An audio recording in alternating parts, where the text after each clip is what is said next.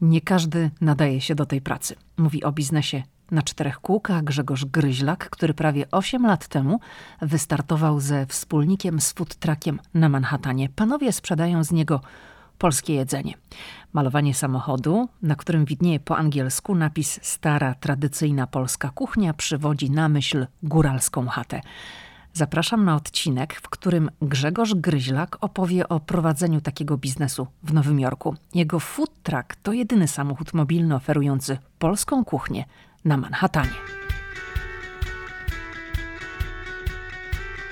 Hej, tu Lidia Krawczuk, dziewczyna ze Szczecina, która wylądowała w Waszyngtonie. Ameryka mnie fascynuje, żyję w niej od ponad dekady i cały czas ją odkrywam. Podróż do Stanów Zjednoczonych była zawsze moim marzeniem. Nie sądziłam jednak, że w Ameryce kiedyś zamieszkam. Jeśli Ciebie, tak jak mnie, ciekawią Stany i chcesz wiedzieć o nich więcej, to jesteś we właściwym miejscu. Opowiadam tu o Ameryce, o życiu w Stanach i o tym wszystkim, co odkrywam podczas mojej amerykańskiej przygody. Zapraszam na podcast Ameryka i ja. Zaczynamy.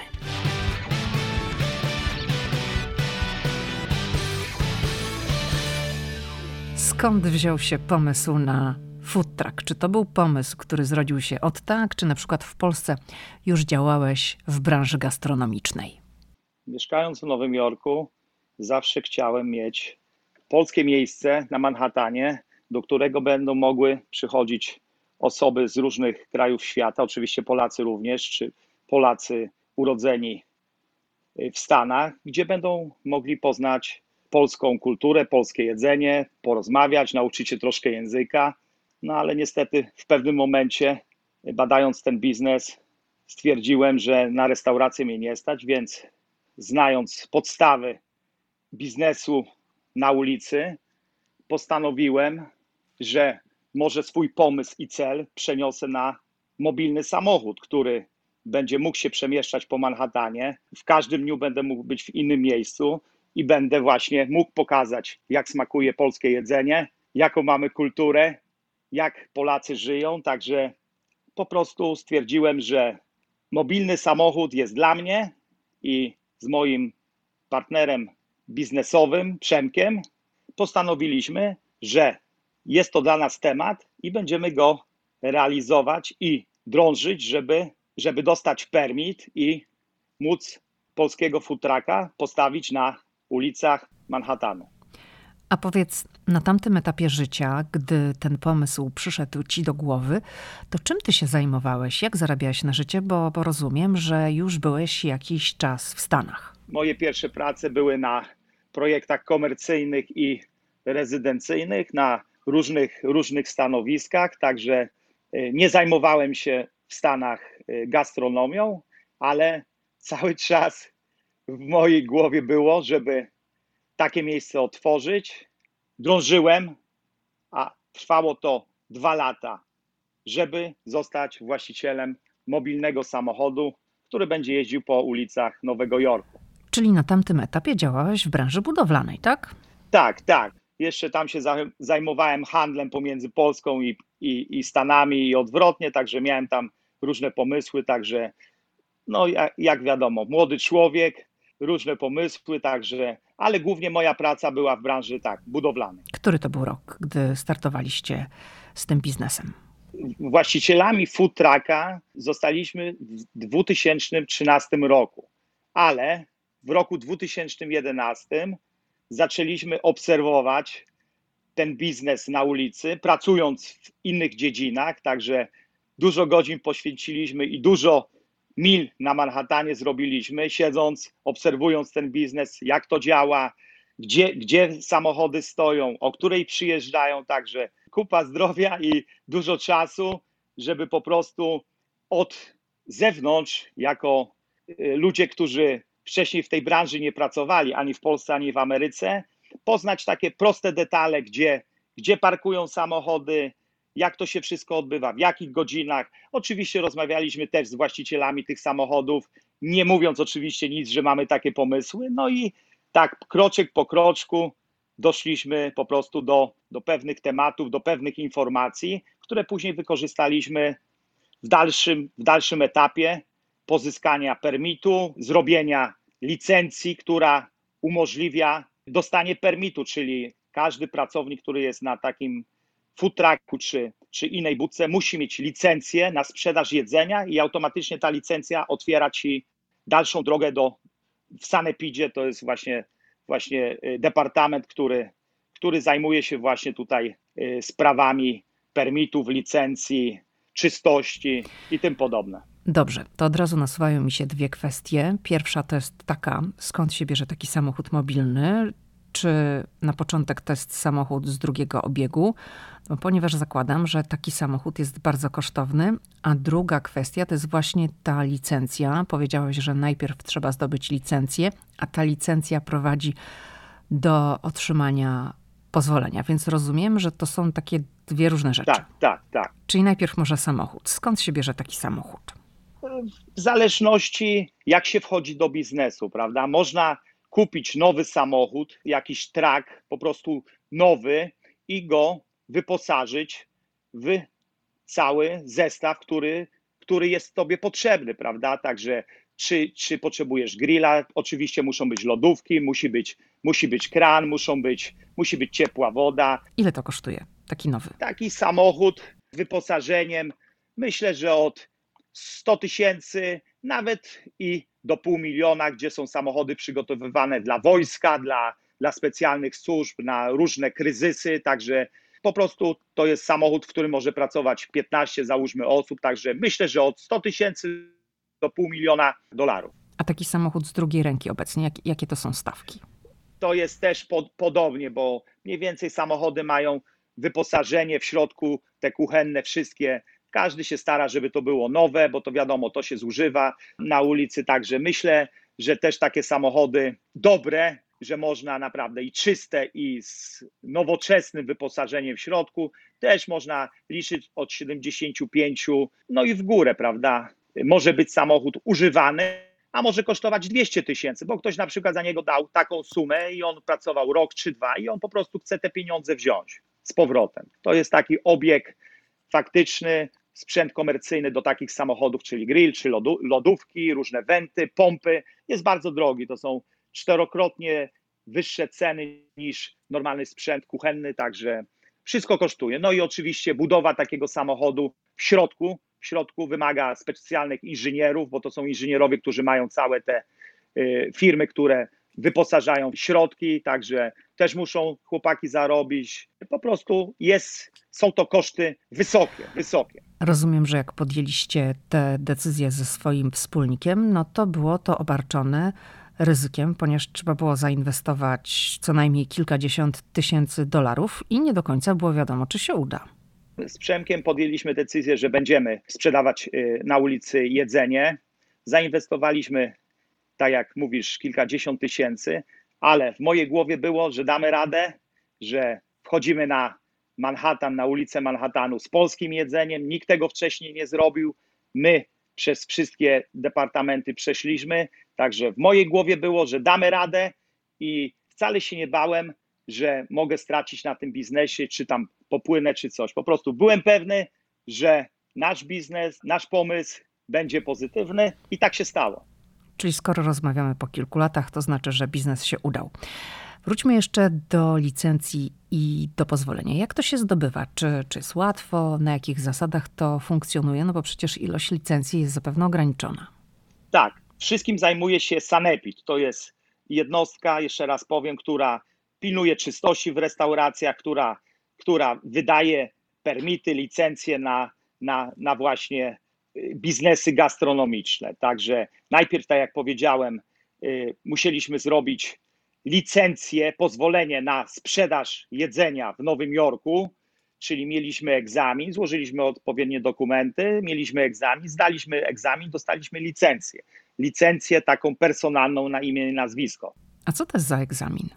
To jest egzamin, który, który ma pytania, jaka jest temperatura jedzenia, musi być temperatura ciepłego, jaka temperatura w lodówce. Prosty egzamin taki życia, życia kuchni jak jedzenie przechowywać, że, że musi być czysto, że musisz mieć termometry w samochodzie, że musisz to badać co jakiś czas, że inspektor do ciebie przychodzi. Taka, takie pytania informacyjne, może tak powiem, odnośnie tego, co masz na ulicy, że może przyjść inspektor, że musisz mieć gorącą wodę, czyli musisz puścić pompę, która ogrzewa, ogrzewa gorącą wodę. No, nie będę mówił o sprzątaniu, o, czyst, o czystości, bo to jest oczywiste, że, że, że samochód musi być wysprzątany i, i to tak właśnie, taki był egzamin z 20, 20 pytań. To ile jest tych licencji w Nowym Jorku, czy ty wiesz? Według mojej wiedzy może być 3,5 tysiąca licencji na food trucki i na te budki, które przywożą samochody i stoją na y, skrzyżowaniach na Manhattanie czy na innych dzielnicach. Może to się zmieniło na dzisiejszy dzień, może być, może być na plus, ale nie mam dokładnych informacji po tylu latach, bo po prostu Sanepid i miasto Nowy Jork podjęło pewne decyzje, które otwierają możliwość dla innych, że więcej tych permitów chcą dać, ale to wszystko trwa, bo to budują, ludzie pracują nad tym, żeby po prostu inni ludzie, którzy chcą sprzedawać na ulicy, czy owoce, czy jedzenie, czy inne rzeczy, mogli, mogli to robić. Także wiem, że y, w tej chwili y, miasto z różnymi departamentami, głównie z Sanepidem i z tymi innymi, które się zajmują, jak to się mówi, życiem na mieście, pracują nad różnymi programami. A powiedz Grzegorz, co ty masz na myśli, gdy mówisz Sanepid? Który konkretnie departament masz na myśli? Sanepid to jest no, po prostu health departament, prawda? Czyli Departament Zdrowia. Tak, tak, tak, tak, dokładnie. No. A jeszcze odnośnie licencji. Czy ta licencja jest wydawana co roku? Czy jest ona na ileś lat i, i, ile ona kosztuje? Czy ona jest równie kosztowna jak na przykład licencja na jeżdżenie taksówką po Nowym Jorku?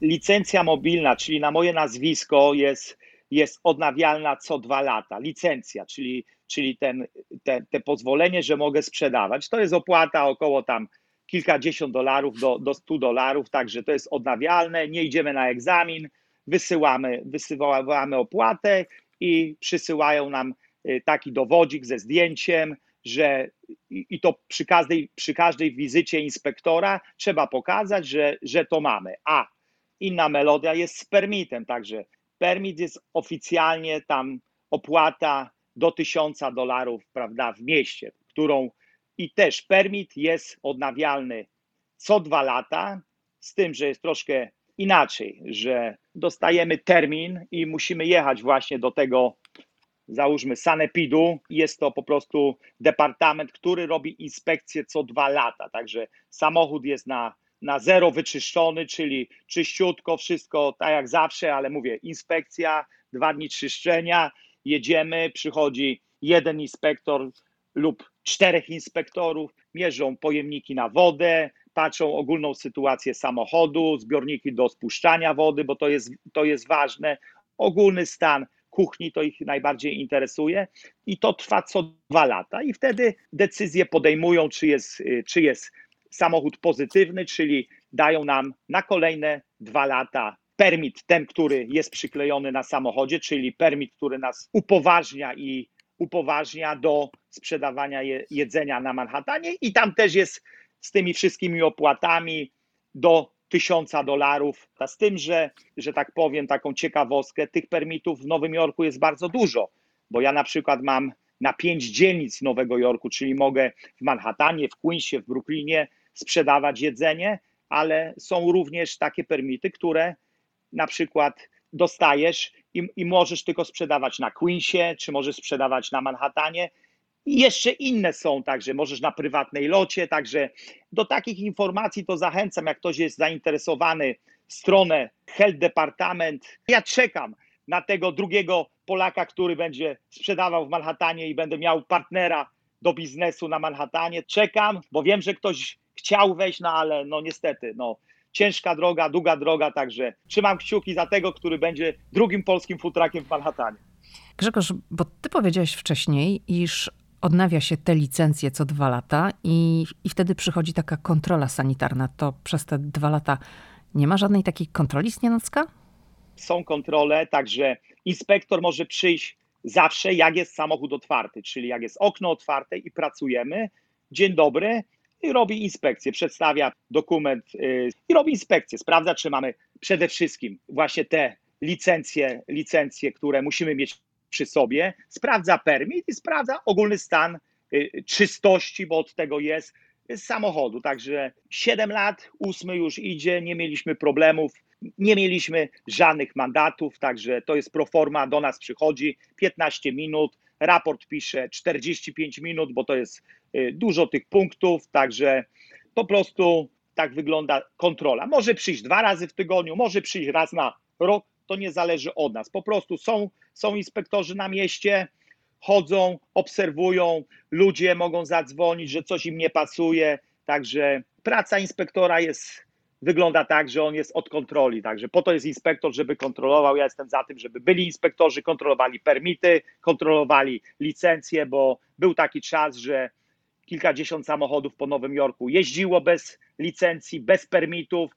No i po prostu to jest szkodliwe dla ludzi, bo to jest zbiorowe żywienie. Dla mnie ważne jest, żeby, żeby inspektorzy byli i faktycznie, tak jak biznes budowlany, czy biznes gastronomiczny, czy inne biznesy, był nadzór i po prostu, żeby to wszystko miało ręce i nogi. A jakie są kary? Duże, duże. Co to znaczy? Myślę, że dzisiaj, dzisiaj można powiedzieć, że od tysiąca do góry. Nie wiem, jaka jest góra, ale wiem, że jak są krytyczne punkty, krytyczne punkty, to myślę, że nie kończy się to karą finansową, tylko natychmiastowym zamknięciem okna, czyli zamyka biznes w tym momencie, co mówi, i po prostu przylepia taką naklejkę pomarańczową, że jest biznes zamknięty, i wtedy trzeba iść najprawdopodobniej do sądu i iść później do sanepidu, gdzie trzeba złożyć dokumenty i umyć, czy tam, jakie są tam przyczyny, czy był brud, czy, był, czy była inna przyczyna, czy jakiś zbiornik był nieszczelny i się woda wylewała pod samochód, także czy jakiś tam y, nie był samochód zarejestrowany, także to jest później kilkutygodniowa procedura, żeby umówić się na spotkanie w departamencie, który robi inspekcję i starać się o ponowne, ponowną inspekcję. No,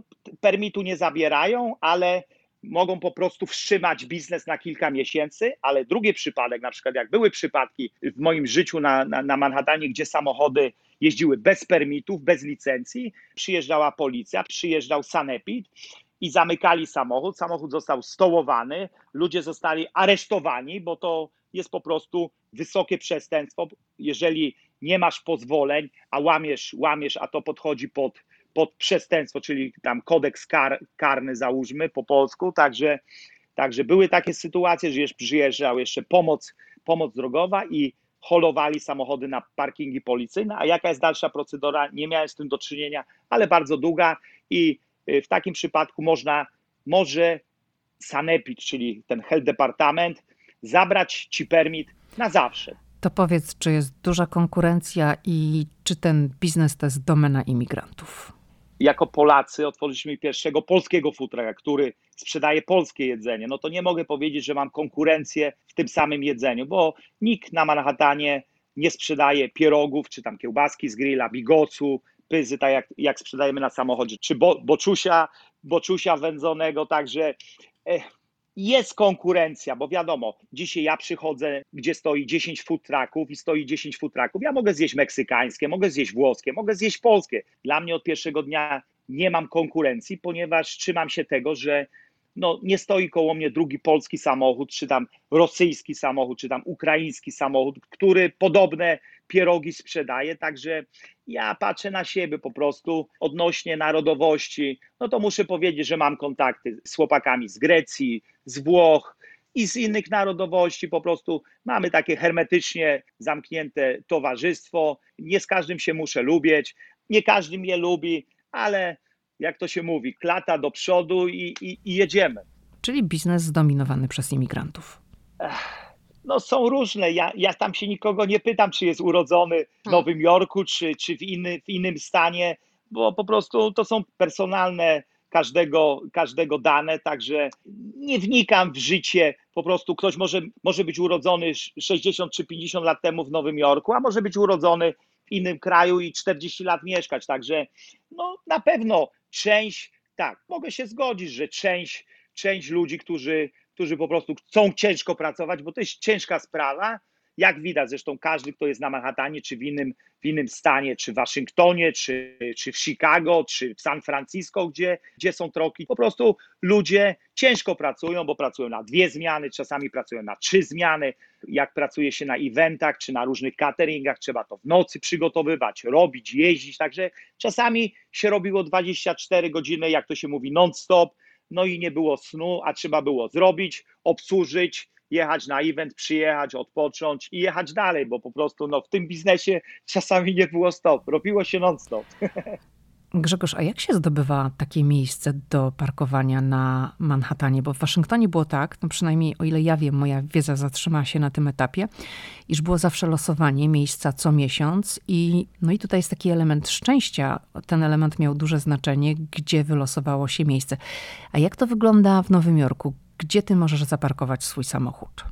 Parking y, samochodu mobilnego, który sprzedaje jedzenie na Manhattanie, w Nowym Jorku jest inny niż w Waszyngtonie. Po prostu my mamy zarejestrowany samochód jako komercyjny, jako, jako samochód dostawczy sprzedający jedzenie, czyli mamy tablice rejestracyjne komercyjne.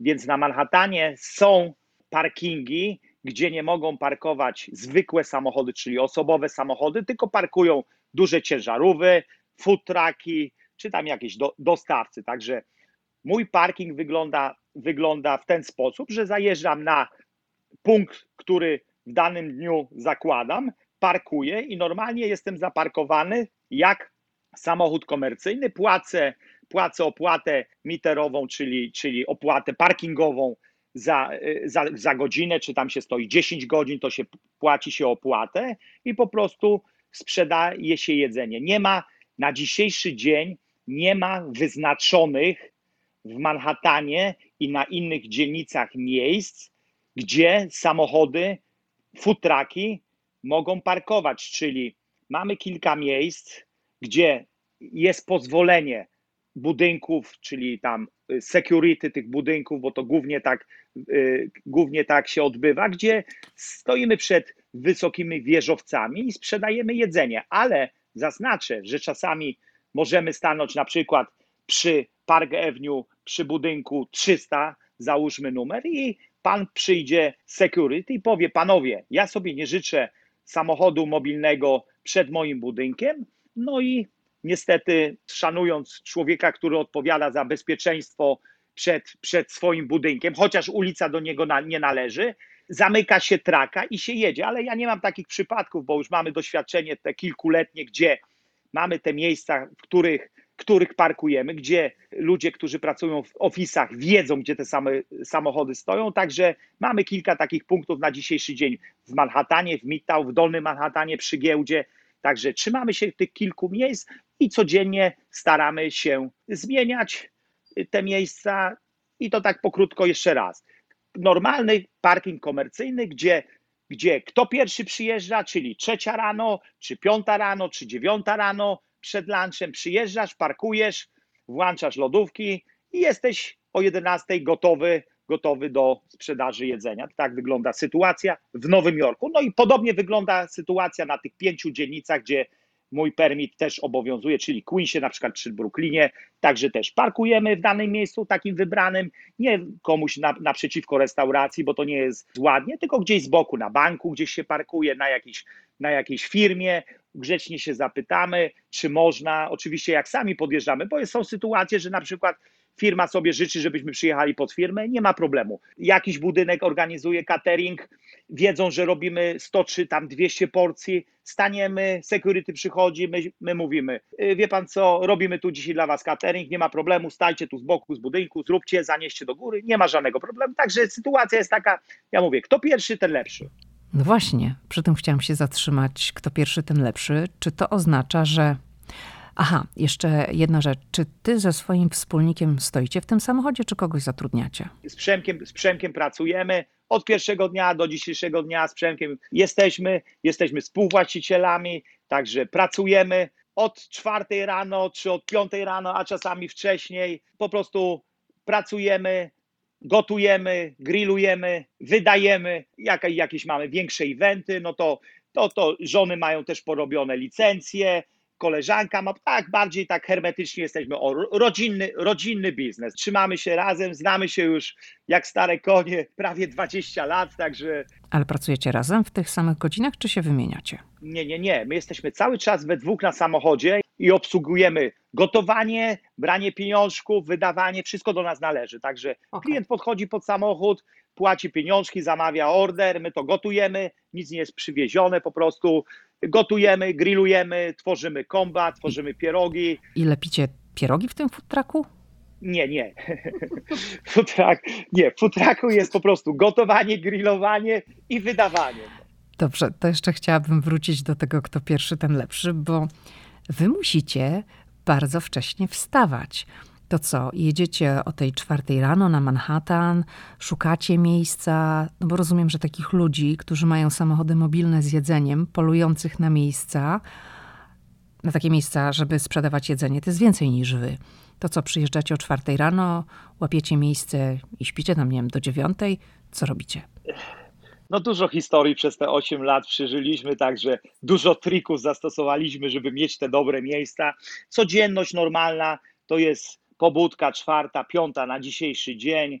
Wiadomo, wychodzisz z domu, jedziesz na specjalny parking, który jest też pod nadzorem tego departamentu, gdzie parkujemy samochód. Tam mamy lodówki, tam mamy towar, tam mamy zamrażarki.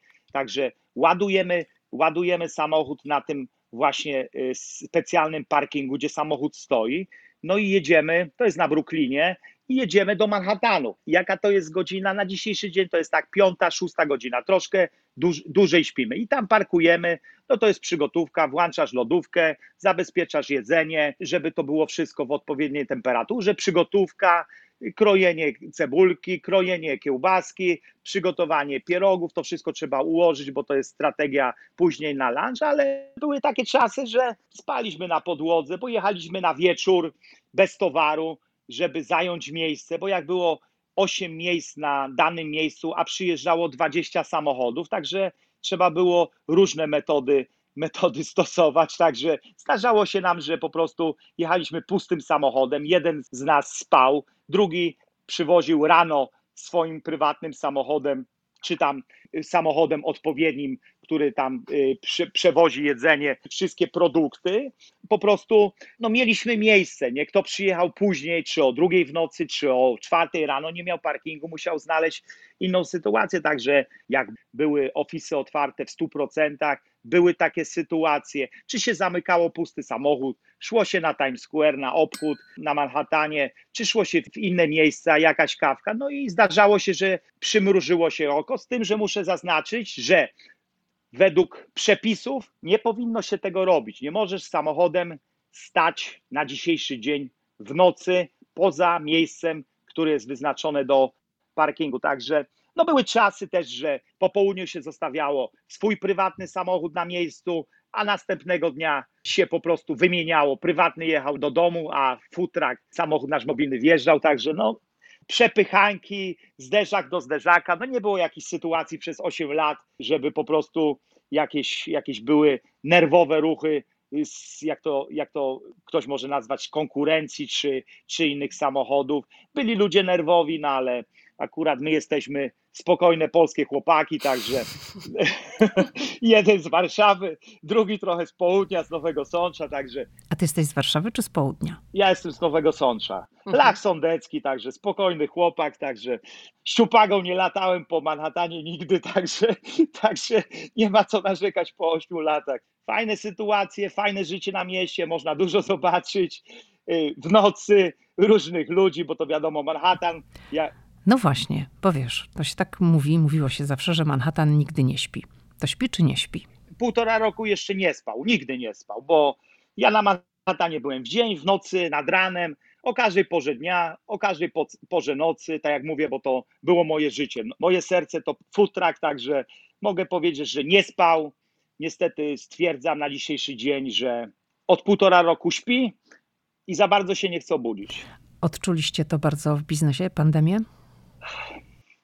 E, nie, nie położyliśmy się, że tak powiem. Każdy biznes w Nowym Jorku, bo jestem tu na miejscu, także od pierwszego dnia, gdzie miasto zostało zamknięte, byłem na Manhattanie, gdzie nie było praktycznie w ogóle ludzi, obserwowałem tę sytuację po zamknięciu, podczas, podczas tych różnych zamieszek, także nie, nie powiem, że nie odczuliśmy. Mieliśmy różne pomysły, które, które zrobiliśmy podczas zamknięcia, gdzie nie jeździliśmy do miasta, do Manhattanu, no bo wiadomo, nie było ludzi, pustki na ulicach, także tylko służby mundurowe czy tam karetki, praktycznie nikogo nie było, także robiliśmy dostawy lokalne.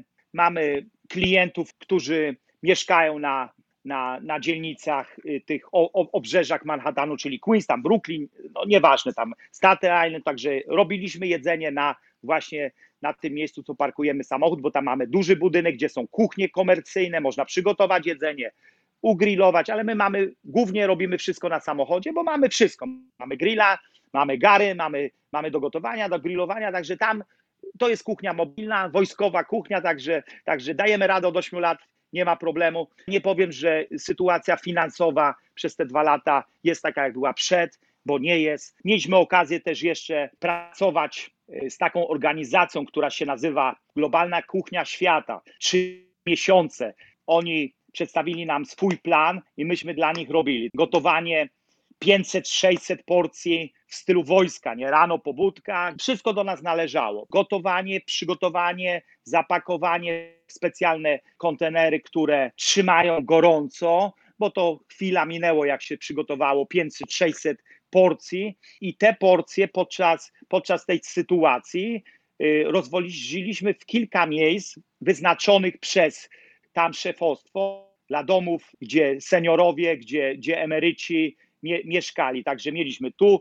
tu 150, tu 120, tu, tu 180, to do, do nas należało rozwieźć, zostawić podczas tej sytuacji, także odpowiednie zabezpieczenia, reżim sanitarny, no i o czwartej rano do pierwszej w południe żeśmy mieli ten, ten cykl. Gotowanie, zapakowanie, dowożenie. Nie były to y, nowojorskie, jak to powiem, stawki, ale y, w stylu wojskowym ja to lubię, także było co robić. Troszkę nam pomogli, bo ta organizacja podczas y, tej sytuacji, która, która miała, ma miejsce, dużo pomagała. Oni nadzorują i koordynują działania. Najprawdopodobniej ludzie bogaci, którzy mają pieniądze, wpłacają przez różne fundacje im pieniążki. Jest tam sztab ludzi, którzy to koordynuje, współpracują z miastami, z, z, ze Stanami, jak są powodzie, są pandemie, są wirusy, są inne rzeczy, także jak to się mówi, rzucają ich po sytuacji, po huraganie czy po powodzie, oni po prostu działają w takim,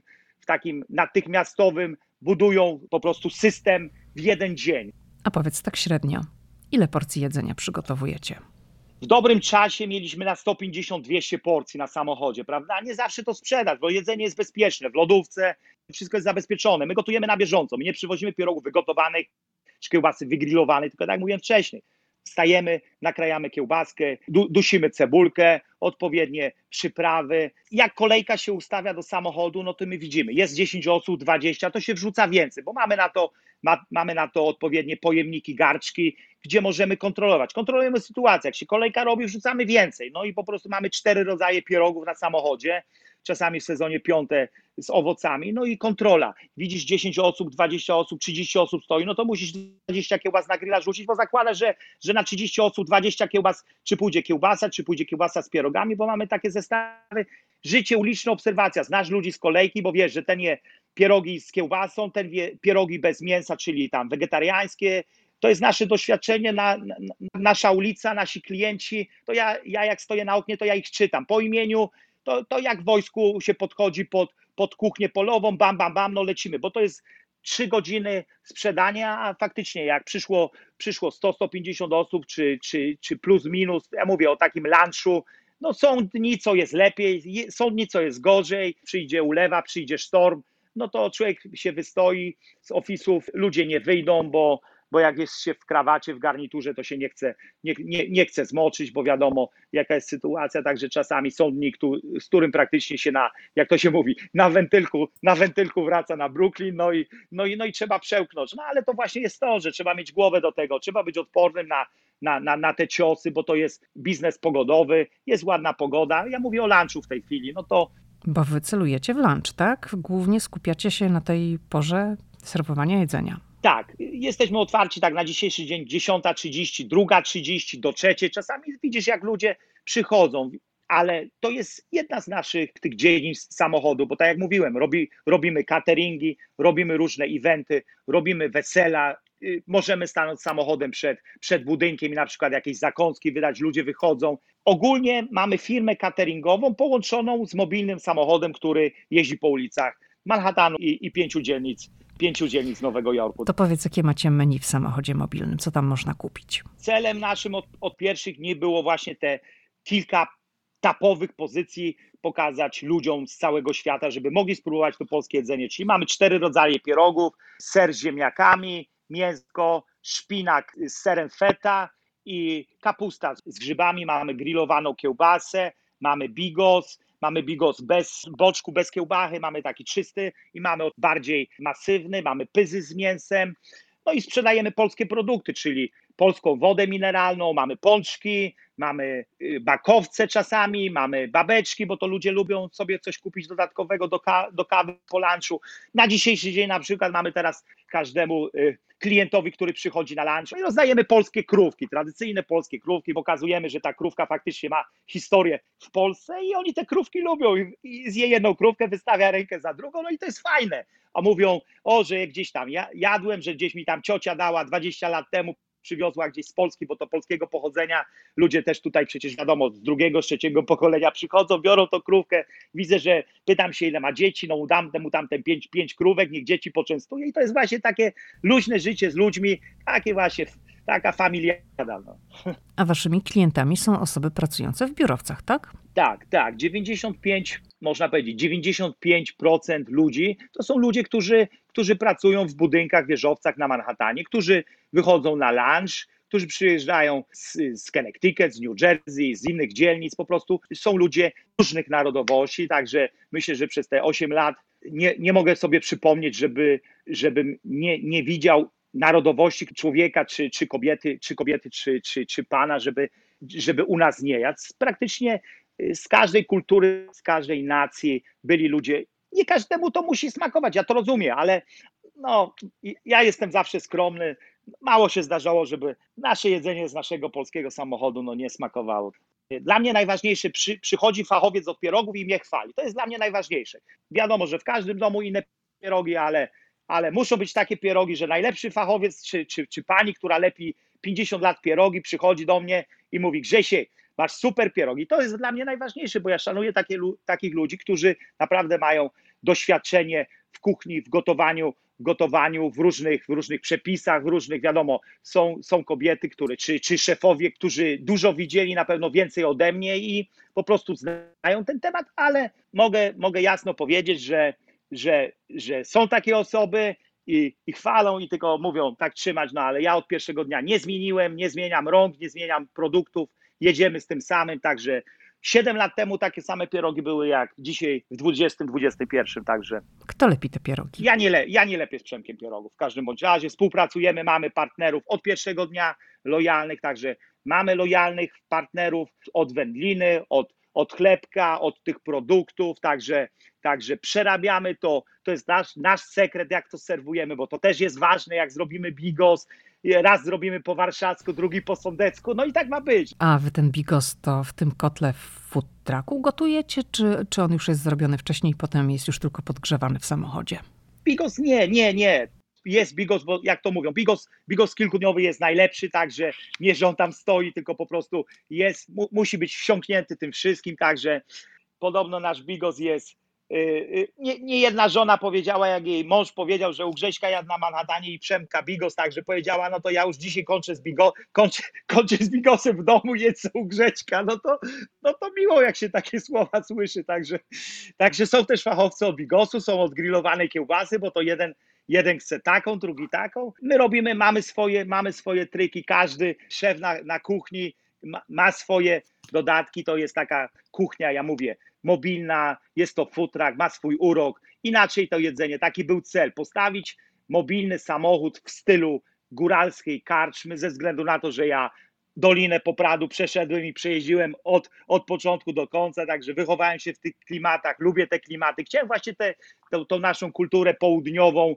południową, bo to tak po części tam, no był mój taki pomysł, prawda? Przemek jako mój kolega, razem żeśmy to poszli na, jako partnerzy biznesowi, także chciałem to przekazać właśnie tą Dolinę Popradu, to południe Polski właśnie między te szklane budynki, żeby był ten kontrast jak wychodzisz te, w tym garniturze, wychodzisz w tych lakierkach, w tym krawacie zawiązanym albo niezawiązanym, żebyś wyszedł przed ten, no i masz taką chałupinę góralską, z której się kopci, no i się sprzedaje polskie tradycyjne jedzenie, no i ma się polską muzykę, polskich chłopaków, polski język i angielski też, no i, no i wszystko co polskie, bo nie ma u nas Coca-Coli i innych produktów, Made in tam nie wiadomo co, tylko staramy się praktycznie wszystkie produkty, łącznie z musztardą, dodatki, te wszystkie dodatki, piją wodę mineralną y, z południa. Lubią ludzie, próbują, cieszą się, że to jest Made in Polska. Dla mnie to jest ważne. Jestem Polakiem, jestem Polakiem, 20 lat mieszkam w Stanach, także, także nie przeszkadza mi to w niczym, że pod biało-czerwonym kolorem to sprzedaję i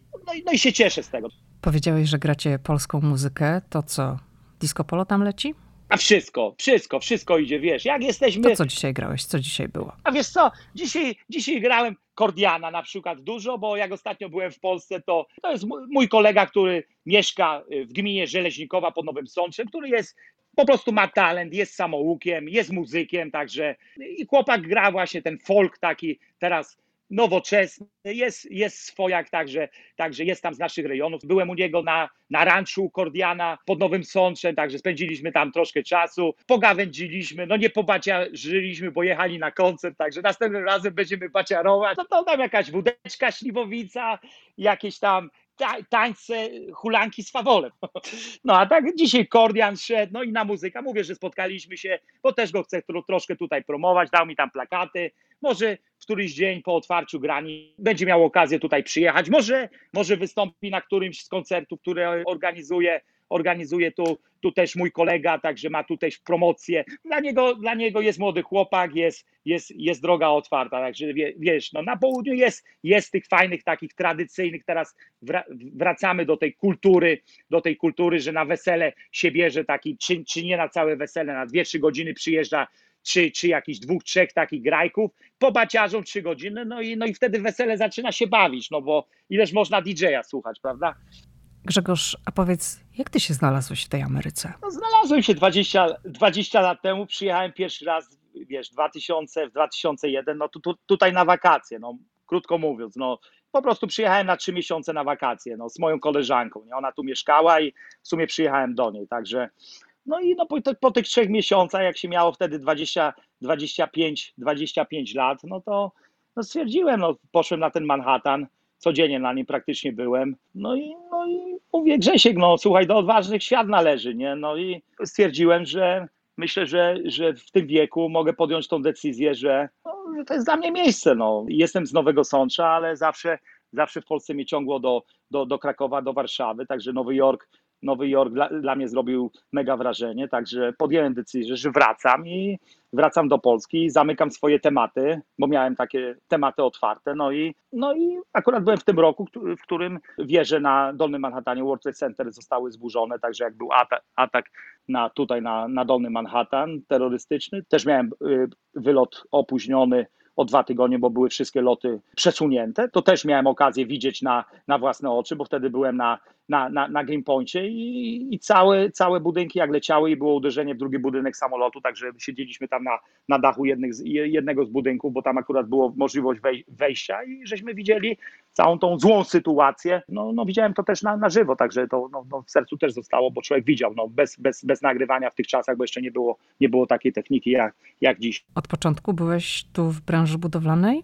Tak, głównie, głównie na różnych, tak, no skończyłem na na, na, na prowadzeniu.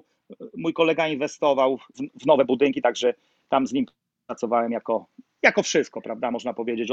Ale już z tym pomysłem, z pomysłem, że trzeba wyjść z tego, po prostu, po prostu chodziłem, tak jak mówiłem, te dwa lata chodziłem, drążyłem ten temat. Najpierw restauracji, później, później, później tych mobilnych samochodów, także chodziło mi to pod, pod głowie w wolnym czasie, spędzałem czas, czy spędzaliśmy z Przemkiem czas na patrzeniu na, na, na, to z boku, prawda, jak to wygląda i tyle, nie? No i na, na różnych rozmowach, bo no bo było dużo tych rozmów, rozmów wiesz, na, na, na, na te tematy. Mogę powiedzieć, że, że, że widocznie się do tego nadajemy, skoro, skoro sprzedajemy jedzenie w Nowym Jorku, tak w marginesie. Jak uważasz, czy w Nowym Jorku jest łatwo wystartować z biznesem? Mam tutaj na myśli tę biurokrację, papierologię.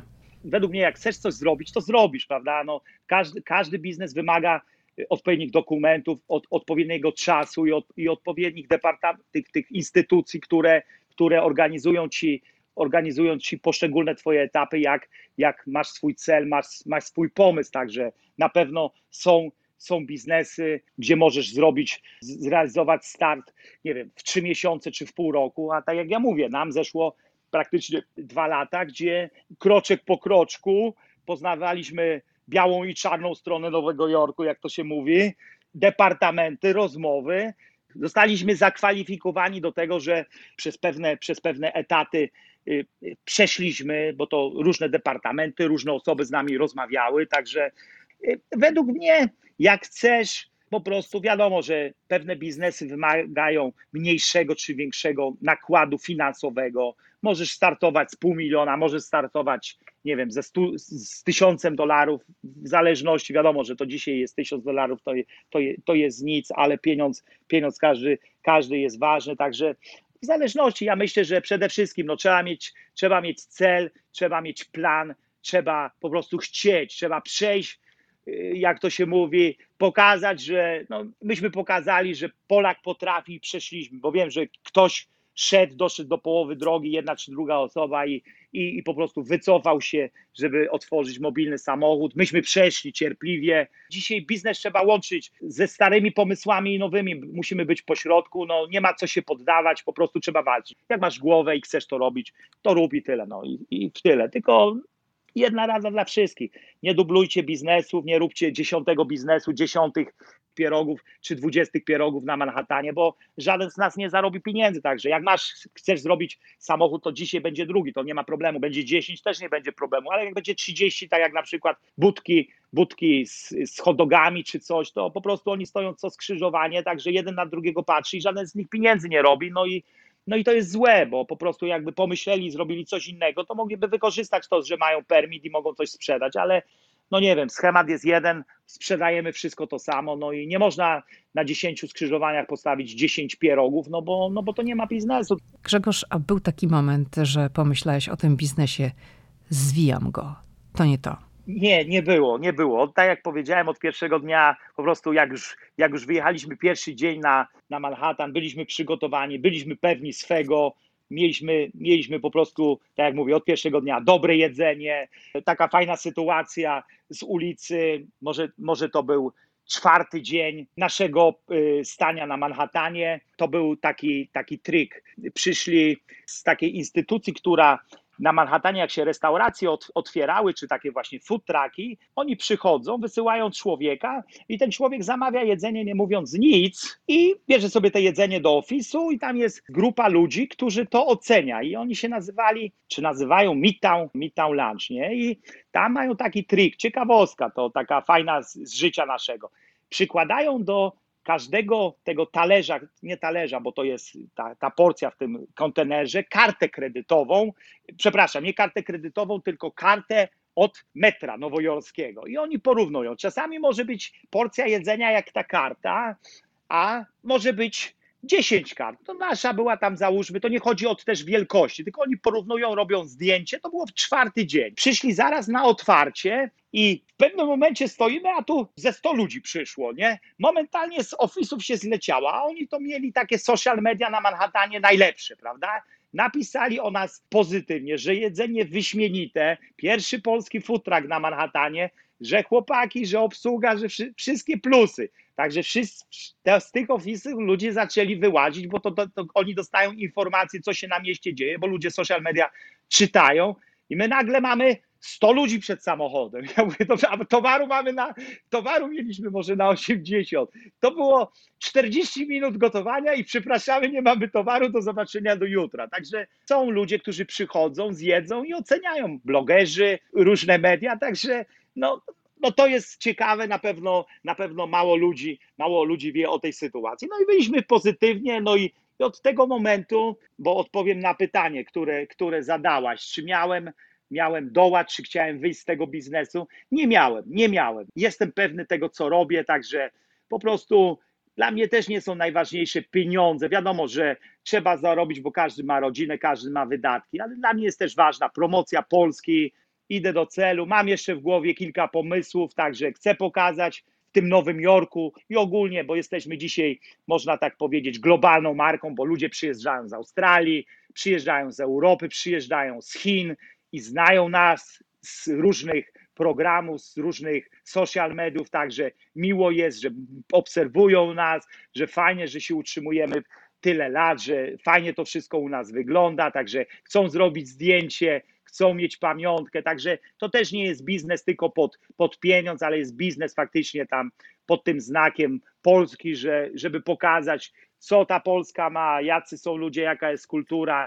I żeby tak jak mówię, jesteśmy w Nowym Jorku, skupiamy się, ale przy okazji ludzie przez social media, czy ludzie personalnie, jak teraz nie przyjeżdżają, ale jak przyjeżdżali, o, jestem z Niemiec, czytałam o was, była telewizja niemiecka u was, oglądaliśmy show, gdzie dziewczyna jadła u was na samochodzie, my musimy przyjść. Czy przychodzi bloger z Chin, który ma 2 miliony wejść, zrobili u nas show dwa lata temu, no to automatycznie otwarta, otwarta ta strona, ludzie przychodzą i chcą, bo też jest, nie miałem i nie mam, i nie mam na dzisiejszy dzień pomysłu, żeby zrezygnować z tego biznesu. No y, po prostu myślę, że ostatni z ulicy zejdę w Nowym Jorku. To tak na koniec chciałam zapytać Cię krótko, bo wiesz, jak to w Ameryce zawsze jest skalowanie biznesu, skalowanie biznesu. Czy Ty chcesz pozostać w tym biznesie, w takim modelu jak teraz, wy ze wspólnikiem sprzedający jedzenie, czy plan jest taki, żeby były kolejne samochody na Manhattanie, a, a wy już jako ludzie zarządzający tym biznesem, a nie sprzedający? Na dzisiejszy dzień jesteśmy z Przemkiem, tak jak żeśmy zaczynali, jesteśmy, pracujemy, pracujemy. Czy następne samochody mobilne na Manhattanie otworzymy, to czas pokaże, bo jest w tej chwili sytuacja inna niż do tej pory, także każdy biznes, każdy dzisiaj pomysł, po prostu jest czas na przeczekanie. Jeżeli się miasto otworzy, to może zrobimy jakieś kroki. Co będzie w przyszłym roku czy za dwa lata, ja nie wiem i mało ludzi na świecie wie. Także zostawiliśmy nasze dalsze, dalsze decyzje strategiczne w tym biznesie, czyli w biznesie ulicznym sprzedawania jedzenia. Odłożyliśmy to, przesunęliśmy po prostu do. Czekamy do tego czasu, kiedy Nowy Jork nie będzie spał, bo na dzisiejszy dzień kolejne samochody czy kolejną, kolejny krok do przodu robić nie ma sensu. Grzegorz Gryźlak był gościem podcastu Ameryka i ja. Bardzo Ci dziękuję za rozmowę. Dziękuję jeszcze raz, Lidia. Kłaniam się, pozdrawiam.